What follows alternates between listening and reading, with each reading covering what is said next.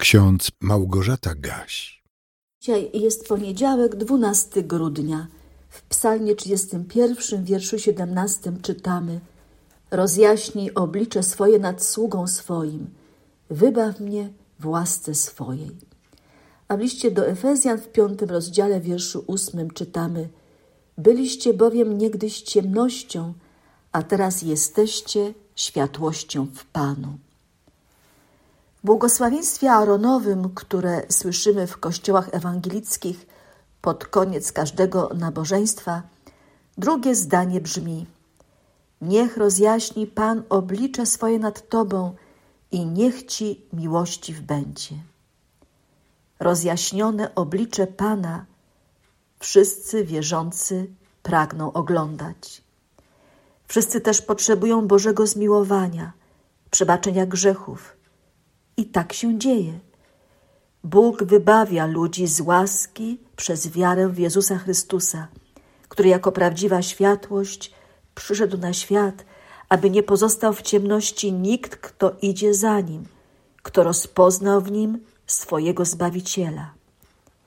Prawdziwa światłość, która oświeca każdego człowieka, przyszła na świat. Na świecie był i świat przezeń powstał, lecz świat go nie poznał. Do swej własności przyszedł, ale swoi go nie przyjęli. Tym zaś, którzy go przyjęli, dał prawo stać się dziećmi Bożymi, tym, którzy wierzą w imię Jego. Tak napisał apostoł Jan we wstępie swojej Ewangelii. Ci, którzy przyjęli Jezusa Chrystusa, mogli stać się światłością w Panu. Apostoł Paweł w liście do Efezjan w piątym rozdziale dokładnie wyjaśnia ten proces stawania się światłością w Panu. Otóż ci, którzy całym sercem nawrócili się do Boga i przyjęli dar zbawienia dany nam w Jego Synu, Jezusie Chrystusie, rozpoczęli zupełnie nowe życie, całkowicie odmienne od życia przed nawróceniem, przed podjęciem decyzji o przylgnięciu do Zbawiciela, który w ludzkim ciele przybył na ziemię, by pokazać, jak bardzo Bogu zależy na każdym z nas, jak bardzo Bóg kocha ludzi i pragnie ich szczęścia. Byliście niegdyś ciemnością, napisał apostoł Paweł do chrześcijan w Efezie. Ta ciemność spowodowana była grzechem i strachem przed karą.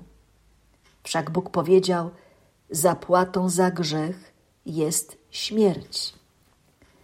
Ludzie pogrążeni w ciemności grzechu znajdowali się w beznadziejnej sytuacji, ale przyszedł On, Zbawiciel, Mesjasz, od dawna oczekiwany, bo przez proroków był zapowiadany. Bóg spełnił swoją obietnicę, a teraz oczekuje, że wszyscy ludzie zechcą wyjść z ciemności i zbliżyć się do światłości i w niej pozostać. Niestety wielu ludzi ucieka przed Bożym światłem, bo nie chce, żeby ujawnione zostały uczynki ciemności, czyli grzechy popełnione i niewyznane. Wielu ludzi we współczesnym świecie ucieka przed Bogiem, chowa się w ciemności, nie rozumiejąc, jak wielką robi sobie krzywdę. Ewangelia o prawdziwej światłości, która przyszła na świat, jest dla wszystkich, ale każdy musi osobiście ją przyjąć i w nią uwierzyć. Gdy tak się dzieje, człowiek wychodzi z ciemności i stara się postępować tak, jak przystało na dzieci światłości. W następnych wersetach tego piątego rozdziału listu do Efezjan możemy przeczytać: Postępujcie jako dzieci światłości, bo owocem światłości jest wszelka dobroć i sprawiedliwość i prawda. Dochodźcie tego, co jest miłe Panu i nie miejcie nic wspólnego z bezowocnymi uczynkami ciemności, ale je raczej karczcie.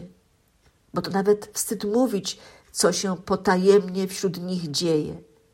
Wszystko to zaś dzięki światłu wychodzi na jaw jako potępienia godne.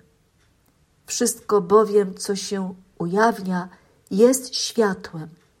Dlatego powiedziano: Obudź się, który śpisz, i powstań z martwych, a zajaśnieje ci Chrystus. To hasło obudź się, jeżeli duchowo zasnąłeś, zasnęłaś. Moim zdaniem powinno być jak najczęściej przypominane dzieciom światłości, czyli tym, którzy należą do Pana. Rozpoczął się trzeci tydzień tegorocznego Adwentu.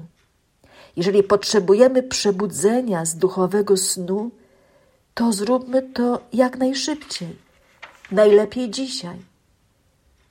Pan rozjaśnił oblicze swoje nad nami, gdy pozwolił nam wiarą przyjąć dar zbawienia. A więc cieszmy się z okazanej nam łaski i bądźmy w świetle Pana nieprzerwanie, pamiętając też o Jego wskazaniu, które zapisał ewangelista Mateusz w piątym rozdziale.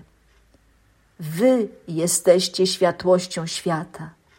Tak niechaj świeci wasza światłość przed ludźmi, aby widzieli wasze dobre uczynki i chwalili Ojca waszego, który jest w niebie. A Bóg nadziei niechaj was wszystkich napełni wszelką radością i pokojem w wierze, abyście obfitowali w nadzieję przez moc Ducha Świętego. Amen.